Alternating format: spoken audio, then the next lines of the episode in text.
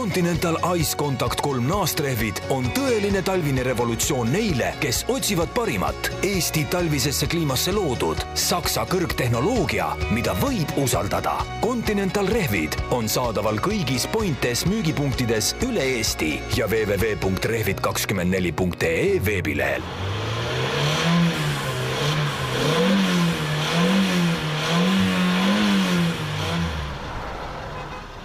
tere päevast, kolmapäev on jälle kätte jõudnud ja sellega seoses on siis istmesoojenduse saatejuhid jälle stuudiosse kogunenud. mina olen Jan-Mattias Mandri ja minuga on siin Ülle Tampere. tere kõigile ja muuseas ma tahan öelda, et see istmesoojenduse alguse signatuur paneb mul alati kõrvad valusat vett jooksma, sest kes ometi oma autot niiviisi piinab? no see, kelle auto see oli, see jääb meile saladuseks, aga äh, infoks nii palju, et ühegi meie auto, see, meie, meie saatejuhi autos ei olnud, nii et meie autod on kõik ilusti korras, aga see, kellel, kellel see auto on, see peaks ikka tihemini saadet kuulama ja mõtlema natuke selle peale, kuidas ta oma autoga käitub täna räägime siis sellistel huvitavatel teemadel nagu äh, linnamaasturid ja kliimamuutused. Äh, räägime ka natukene sõidujagamisautodest, millega siin CityBee on lubanud välja tulla. ja arutame selle üle, kuidas mõjuvad ravimid auto juhtimisele ja, ja missugused ohud seal võiks olla. proovisõiduautoks oli sel nädalal ohohoo et Toyota Supra sinul punane ja minul kollane. ja, ja, ja nipinurgas äh, räägime natukene rehvidest ja räägime sellest, et kas lamellrehvid on ikkagi võrreldes naastrehviga nii halvad, kui inimesed kipuvad arvama või mitte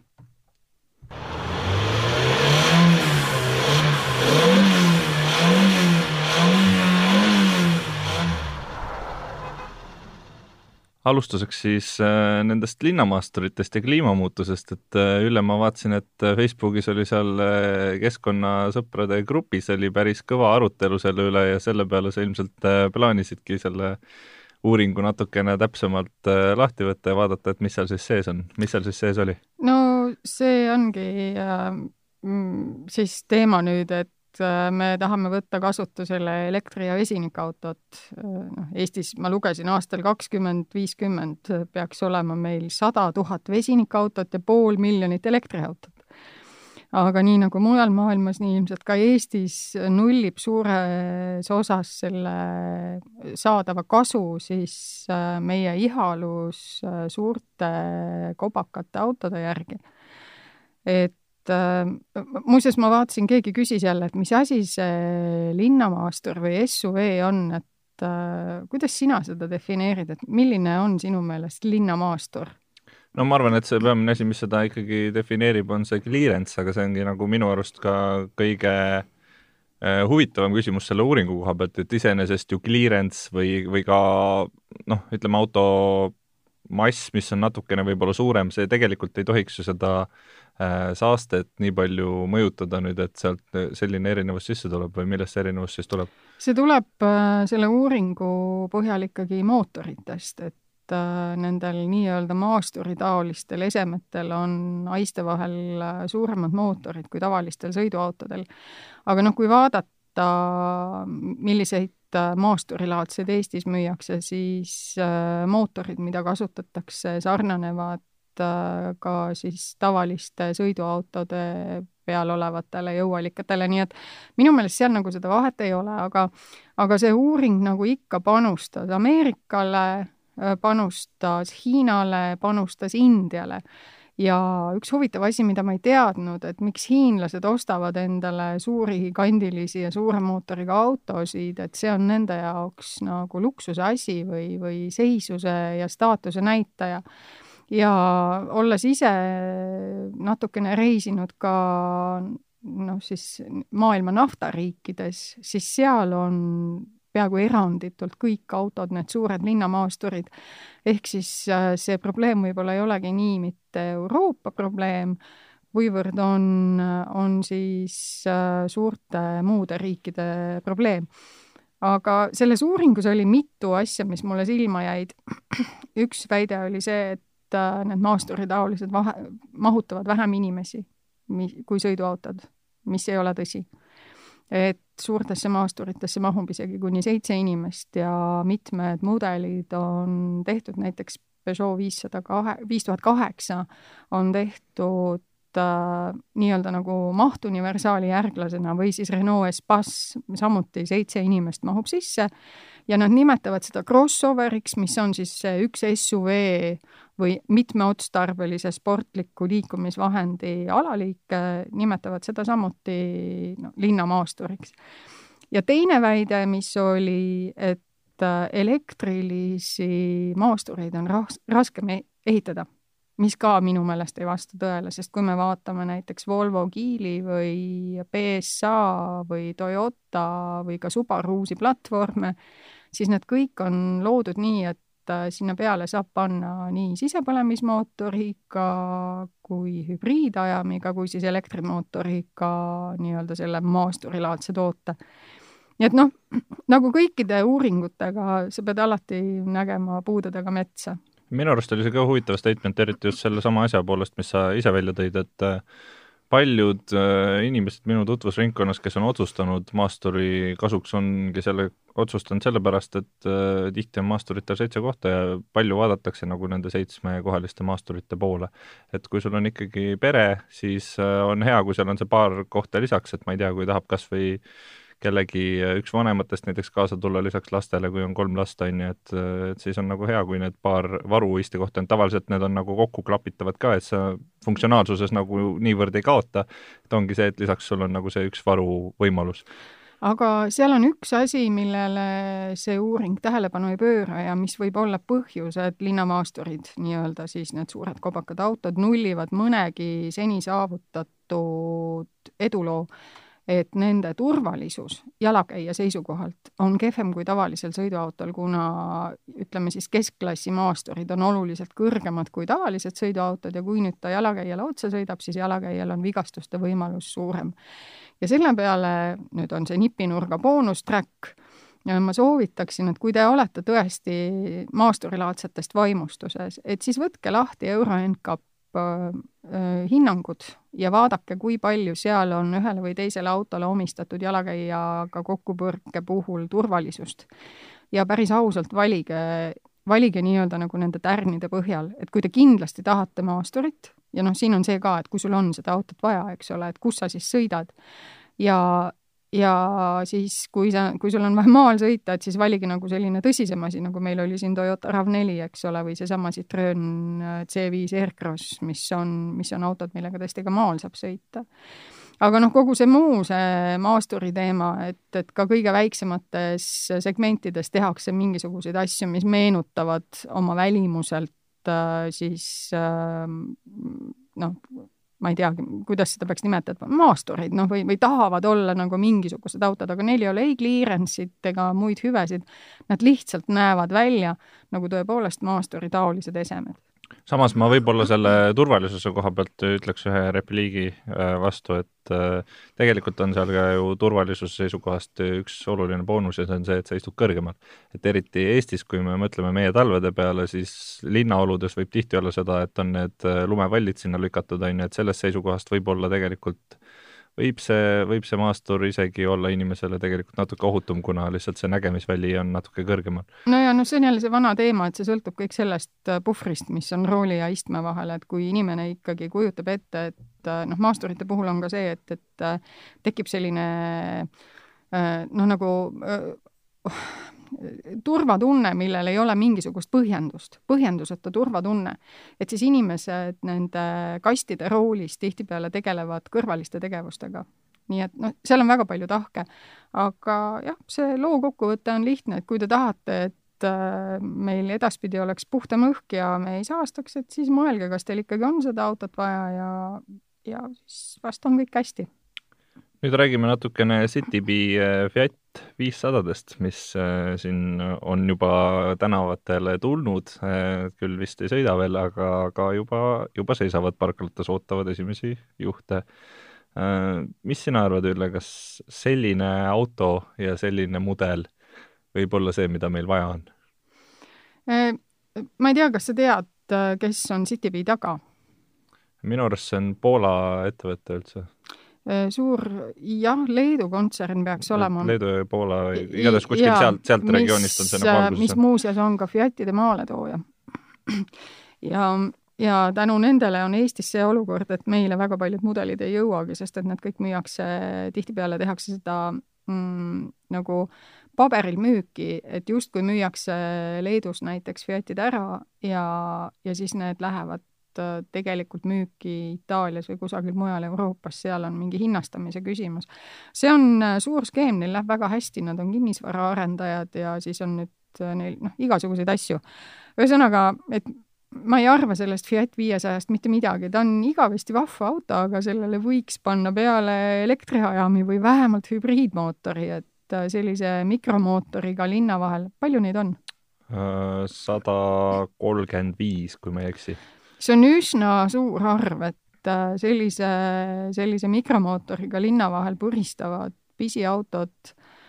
ähm, ma ei tea, kas see on hea lahendus, et äh, ma vaatasin muuseas, inimesed, äh, no ma jagasin seda sinu lugu meil ka ja nad ütlesid, et nad, miks te ei kasuta Elmo renti või, või miks te ei kasuta lühirenti, et noh, Eestis on juba päris palju häid valikuid selleks. Jah, et ma ei tea, kes juhtus kuulama e-, selle laupäevast erisaadet, see ilmselt teab juba, mis mul selle koha pealt öelda oli, aga üldiselt ma jään samale arvamusele, et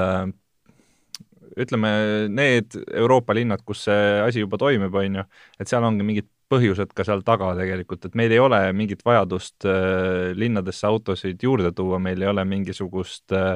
sellist spetsiifilisi piiranguid mingitele autodele, noh, ütleme, kui meil olekski, ma ei tea, linnamaastureid ei lubata kesklinna või mm., või et siin tohiks sõita ainult äh, nagu Londonis on need madala,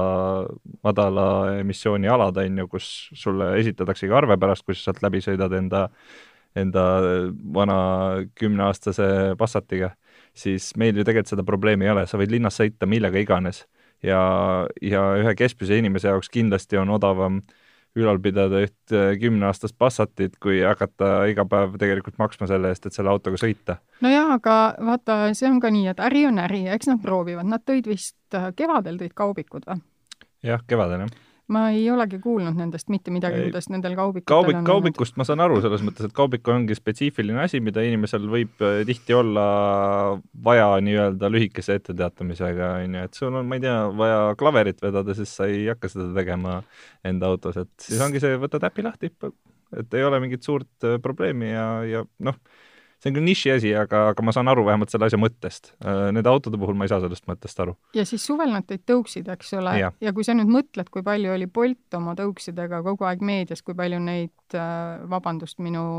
prantsuse keele pärast, kotiti, siis CityBee ratastest ma nii palju ei kuulnud, kuigi noh, samamoodi nagu Boltil ilmselt ka neil esines äh, mingisuguseid probleeme ja, ja sõideti ju nendega ka päris palju, mingi pressiteade oli selle kohta, et äh, ikka üsna aktiivselt kasutati. ja nüüd siis noh, selleks, et oleks mingi aastaringne tegevus, nüüd panid jalgrattad või need tõuksid panid talvekorterisse, tõid pisikesed autod linna peale seisma. samas, mis puudutab neid tõukse, siis sellega seoses mul endal on selline huvitav tähelepanek, et et äh, Bolti tõuksid olid tihti nagu rohkem kasutuses, olidki rohkem kasutuses, et, et kui sa tahtsid saada tõuksi, siis palju mõistlikum oli teha tegelikult Citybee äpp lahti ja seal oli see valik oluliselt suurem ja need akud olid oluliselt rohkem täis ja need ei olnud nagu päeva jooksul noh, võis isegi olla juhtumeid, kus äh, lähed, ütleme, kella kolme paiku Vabaduse väljakule ja seal on mitu tõukeratast, millel on aku täiesti täis. et äh, Boltiga oli see, et kella kolmest olid kõik akud juba täiesti tühjad ja vahet ei ole, kus sa olid, et sa pidid seda üksikut äh, rohelise akuga tõuksi mööda linna ringi ajama ja lõpuks, kui sa selle kätte said, siis oli ka see, et see oli katki või midagi oli tal viga. ehk siis võidab see, kes teeb kõvemat häält. no vot, ja, ja seda, et kui, kui kõva see hääl nüüd on olnud nende autode koha pealt, siis see on olnud ju päris kõva teema, et äh, vaatame, äkki ikkagi läheb käima, äkki see on see, mida Eesti inimesel vaja on. nojah, aga kes võiks neid pisikesi autosid ikkagi tahta kasutada? ma ei tea, selle ma tõin ka välja, et mul ei ole õrna aimugi, sellepärast et noh, ma kujutasin ette, ainukene olukord, kus mina võiksin seda autot tahta kasutada, on näiteks see, kus ma viin enda auto teenindusse ja mul on vaja sõita teenindusest tööle ja pärast töölt näiteks teenindusse tagasi. ma ei tea, mina võtan Bolti, see on oluliselt lihtsam. või, võimalik, aga, aga nad ütlesidki seda, et tegelikult nende eesmärk on konkureerida selle taksoteenusega, on ju. et äh, noh, purjus peaga sa ei saa selle autoga sõita, taksoga saad, selles mõttes ei konkureeri inimesed, kellel lube ei ole, need ei saa selle autoga sõita, taksoga saavad, on ju. et äh, noh, see ongi minu arust nagu kummaline nišš, aga või võib-olla see nišš on olemas et.... muuseas, lubadest, autojuhilubade olemasolust rääkides, siis äh, mu noorem poeg õpib äh, filmi Balti Filmimeediakoolis ja nende kursusel äh,, mida mitukümmend inimest, on juhiluba ainult kolmel inimesel, nii et äh, homme ma lähen äh, filmitiimi viima Viljandisse nii ongi. no vot, ja, ja Citybi autodega nad ei saaks sinna kuidagi sõita? Nad ei saaks sinna ja nad ilmselt ka ei tahaks, et noh, et, et kui me räägime kogu aeg sellest, et sina ja sinust nooremad inimesed on nende rendiautode peamine sihtrühm, siis ma julgen selles väga kahelda, et nad leiavad kõiki muid, alati, eelistatud on alati ühistransport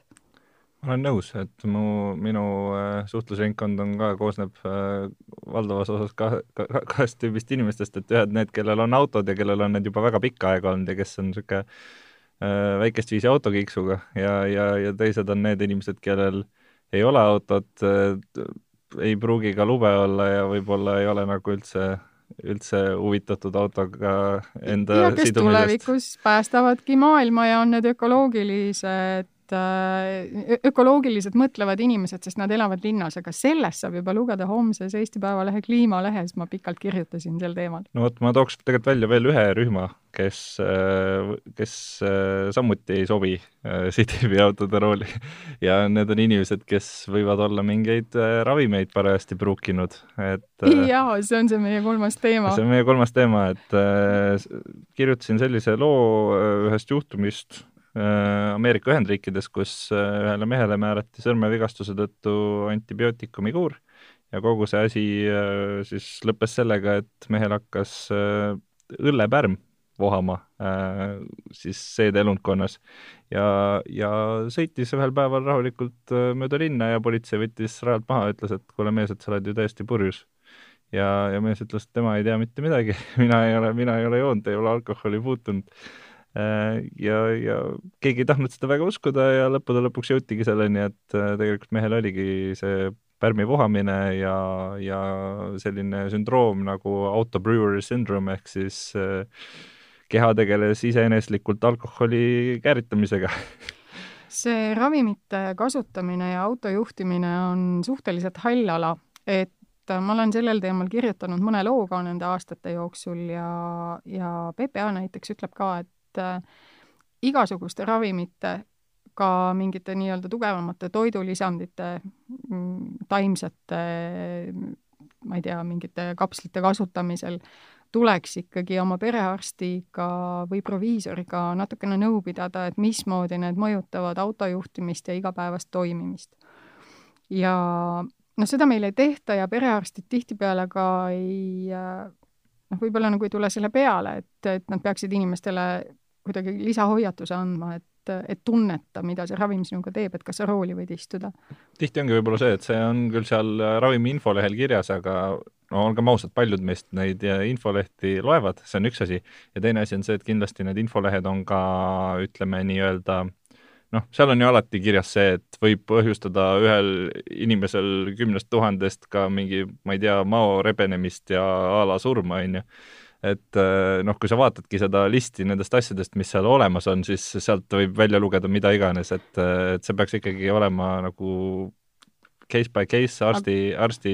poolt ikkagi välja toodud, mitte see infoleht. jaa, seda küll, aga mina näiteks antibiootikumide puhul, kui mul seda on ette tulnud, olen alati lugenud, et mismoodi need äh, mõjuvad ka autojuhtimisele või mismoodi on koosmõjus mingite teiste ainetega.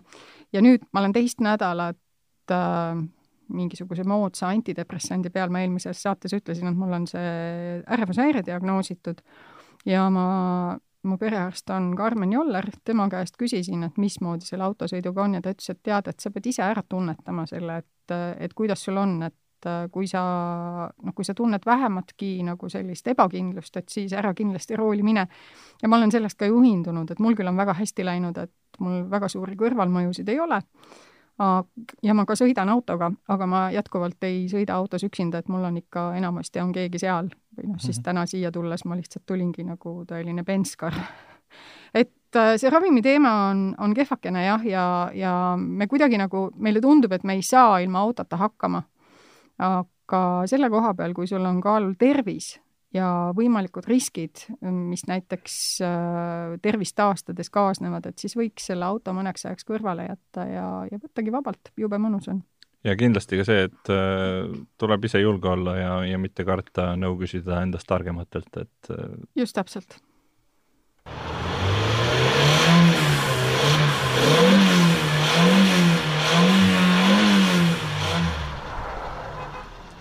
Ma olen kaua oodanud, et saaks sellest autost rääkida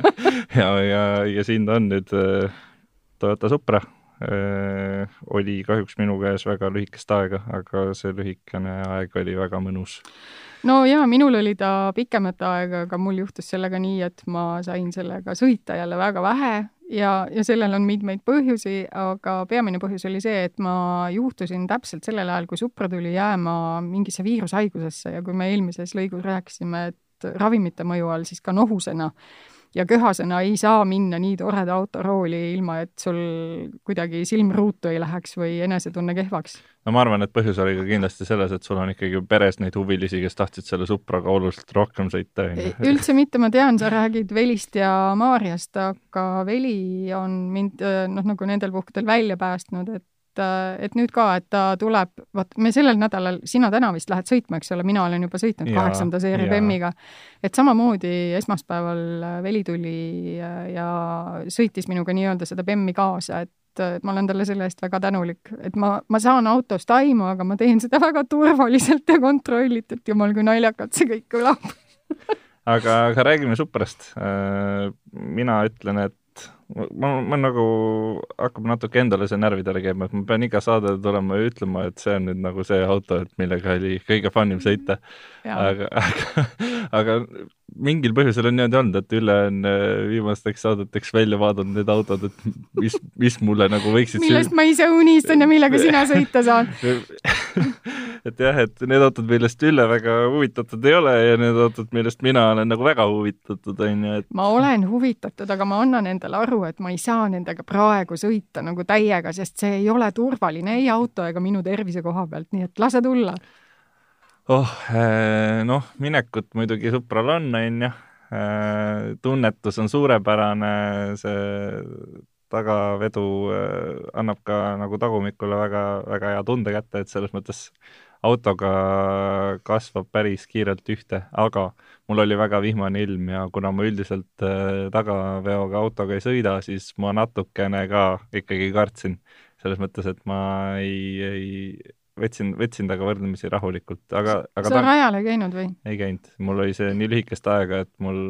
põhimõtteliselt sain ühe õhtu ja ühe hommiku sõita, kuna need äh, sellised äh, nõutumad autod on, on siin tavaliselt lühikest aega ja, ja endale pretendeerib väga palju inimesi, siis ongi see, et äh, tihti saabki selle ainult loetud tundideks enda kätte ja no ja mõnikord juhtub see, et sa saad äh, noh, et oled endale auto kirja pannud, aga siis sa ei saa, sest keegi su kolleegidest või jah, kuskil keegi proovisõitjatest on mõelnud, et proovisõiduauto on kõige kiirem auto ja siis, siis midagi võib juhtuda. aga kas sa tead, mis Supra puhul on eriline või kuidas see on Ott Tänakuga seotud? jaa, ta on see Gazoo Racingu äh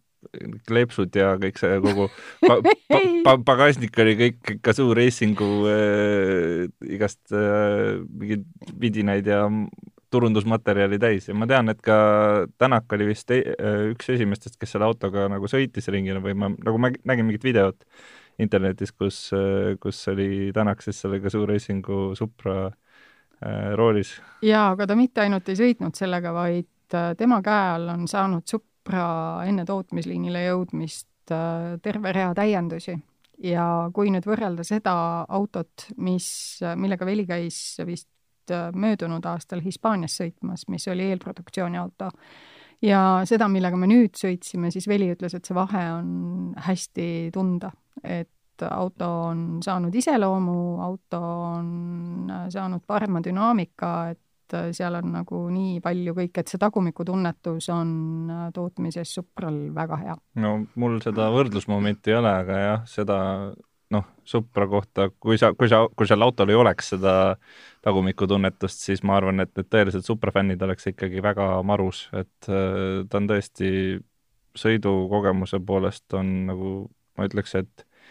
ideaalne auto, aga tal on muidugi ka omad miinused, et ta on äh, ilmselgelt ta ei ole see auto, on ju, mis sa ostad enda esimeseks autoks, et äh, käid poes et see pagasiruumi suurus on umbes selline, et sinna mahubki üks poekott. no ta ei ole ju selleks mõeldud ka, eks ole. seda, seda ma räägingi, et, et ta ongi see auto, et kui, kui sul on kuskil seitsekümmend tuhat seisab niisama pangaarvel ja sa mõtled, et sa tahaks midagi hullult lõbusat, millega saaks sõita, mis näeb ka nii efektne välja, et noh, mul oli reaalselt selliseid hetki, et äh, sõidad mööda linna ja inimene põhimõtteliselt teeb kolmsada kuuskümmend kraadi ümber enda telje selleks, et saaks autot vaadata, et, et seda on nagu, seda on väga palju ja, ja kui sa jääd kuskil ummikus seisma, jääd kuskil punase tule taga seisma, siis alati sõidetakse kõrvale või inimesed, kes lähevad üle tee, vaatavad nagu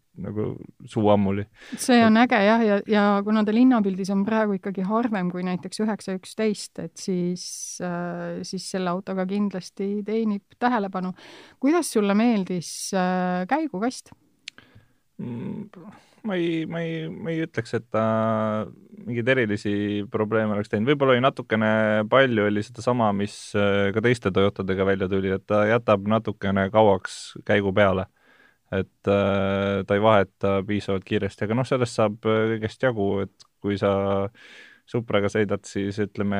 nende käiguvahetuslapatsite kasutamine on pigem soovituslik kui, äh, kui, kui nagu miski, mis kogemata juhtub, et no kui sa rajale lähed, siis sa ikkagi peadki manumaatikule ehk siis manuaalsele automaadile üle, üle ennast lülitama, et et linnatingimustes on väga mõnus sõita sellega, et ja, ja noh, mis mulle muidugi ma, ma täpselt ei saagi aru, vaata enne kui Supra hakkas tulema, siis räägiti, et oo, et siin on BEM-i mootorid ja nad on ju sõsarmudelid nii-öelda selle Z4-ga. aga ma olen Z4-ga ka kevadel sõitnud ja, ja need, need autod on nagu noh, natukene nagu siga ja kägu, vist võiks seda võrdlust kasutada küll, et nad on väga erinevad. ma olen ka mõlemaga sõitnud ja ma olen sinuga tegelikult nõus, sellepärast et äh, Z4 oli kuidagi palju äh, ulakam ja, ja ka natukene selline kiuslik juhi suhtes, et Supraga seda tunnet ei olnud, et Z4-l oligi see, et keerad, kohe hakkab viskama tagant, kohe lükkab libisema ära, on ju. et äh, Supra oli selles mõttes hästi kohitsetud, ta oli ikkagi noh, ta on, on, on näha, et see on ehitatud äh, rajaautoks, mitte niisama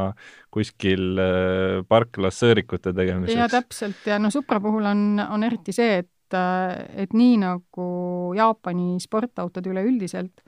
eeldab ta, et juhil on sõiduoskused. jah, et äh, see oli ka see põhjus, miks ma nagu natukene kartsin teda, et, et äh, ta oli küll kohitsetud ja, ja oluliselt turvalisem tunne oli kui sealsamas Z4-s näiteks aga,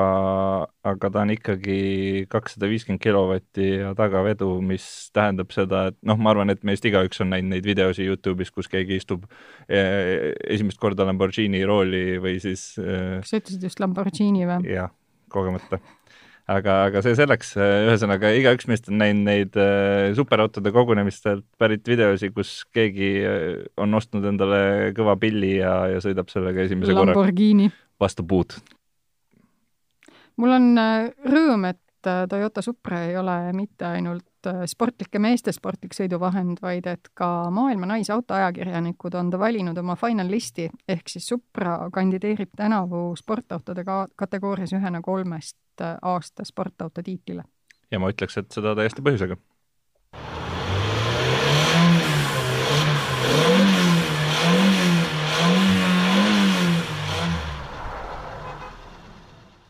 ja nüüd natuke teemast, mis äh, ma juba tean ette, et see tekitab äh, paksu viha, ma ei tea, miks Eestis on see nagu kuidagi, äh, on, on mingid e-, eriti välja kujunenud grupid, et on need inimesed, kes ostavad lamelli, ütlevad, et kõik, kes ostavad naastrehve, on idioodid ja täpselt vastupidi. ja, ja iga, absoluutselt iga aasta on sama teema, kui tulevad need esimesed artiklid, et kuidas rehvi valida ja mis rehvi valida, siis iga kord, absoluutselt iga kord tuleb seal all üks kõva kähmlus selle üle, kes on ikkagi lollakas, kes ostab lamelli, kes ostab naastu, miks naast on parem, miks lamell on parem, et soomlased äh, on teinud ühe uuringu ja, ja nagu ikka selliste asjadega, siis ütleme, see uuringute sõda on kindlasti ka midagi sellist, mis, äh, mis veel, mis veel siin tulemas on, et jaa, aga no soomlased äh, ei uurinud mitte seda, et nad ei teinud tavapärast testi, et kas lamell või naast ja talv ja paha ja vesi ja vesiliug, vaid et nad uurisid liiklusõnnetuste statistikat ja selgub, et Äh, siis viie viimase aastaga on äh, lamellrehvidega sõitvad autojuhid oluliselt vähem põhjustanud äh, raskeid liiklusõnnetusi võrreldes naastrehvidega autodega juhid. Ja siis analüüsiti natuke neid põhjuseid, millest see võib tuleneda ja seal kindlasti on, üks on see, et lamellidel ja naastudel ei ole tänapäeval enam suurt kvaliteedivahet, et lamellid on kõvasti järele võtnud ja, ja nende nende omadused on võrreldavad naastudega, siis äh, kindlasti linnastumine annab äh, oma, oma osa selles, et linnas ei ole lihtsalt mõtet naastuga sõita ja kindlasti ka see, et kui sul on lamellid all, et siis sa äh, teadaolevalt käitud roolis ettevaatlikumalt. et kuidagi nagu see na-, nael või naast on meie arusaamistes kinnistunud sellise kõikvõimsa rehvina talvel, et millega võid igale poole minna ja sõita nii, nagu jumal jahutab, aga aga tegelikult see ju ka nii ei ole. Noh, kui sa piikidega sõidad, siis võib-olla, võib-olla on nagu parem, aga no aga piikidega aga... sa lähed ka rajale, eks ole, suprale paned piigid alla talvel. et, et üldiselt jah, et äh, see naast ei päästa, kui sa ikkagi sõidad äh, sõidad ohtlikult ja, ja see olukord, kus ta päästab, see on ikkagi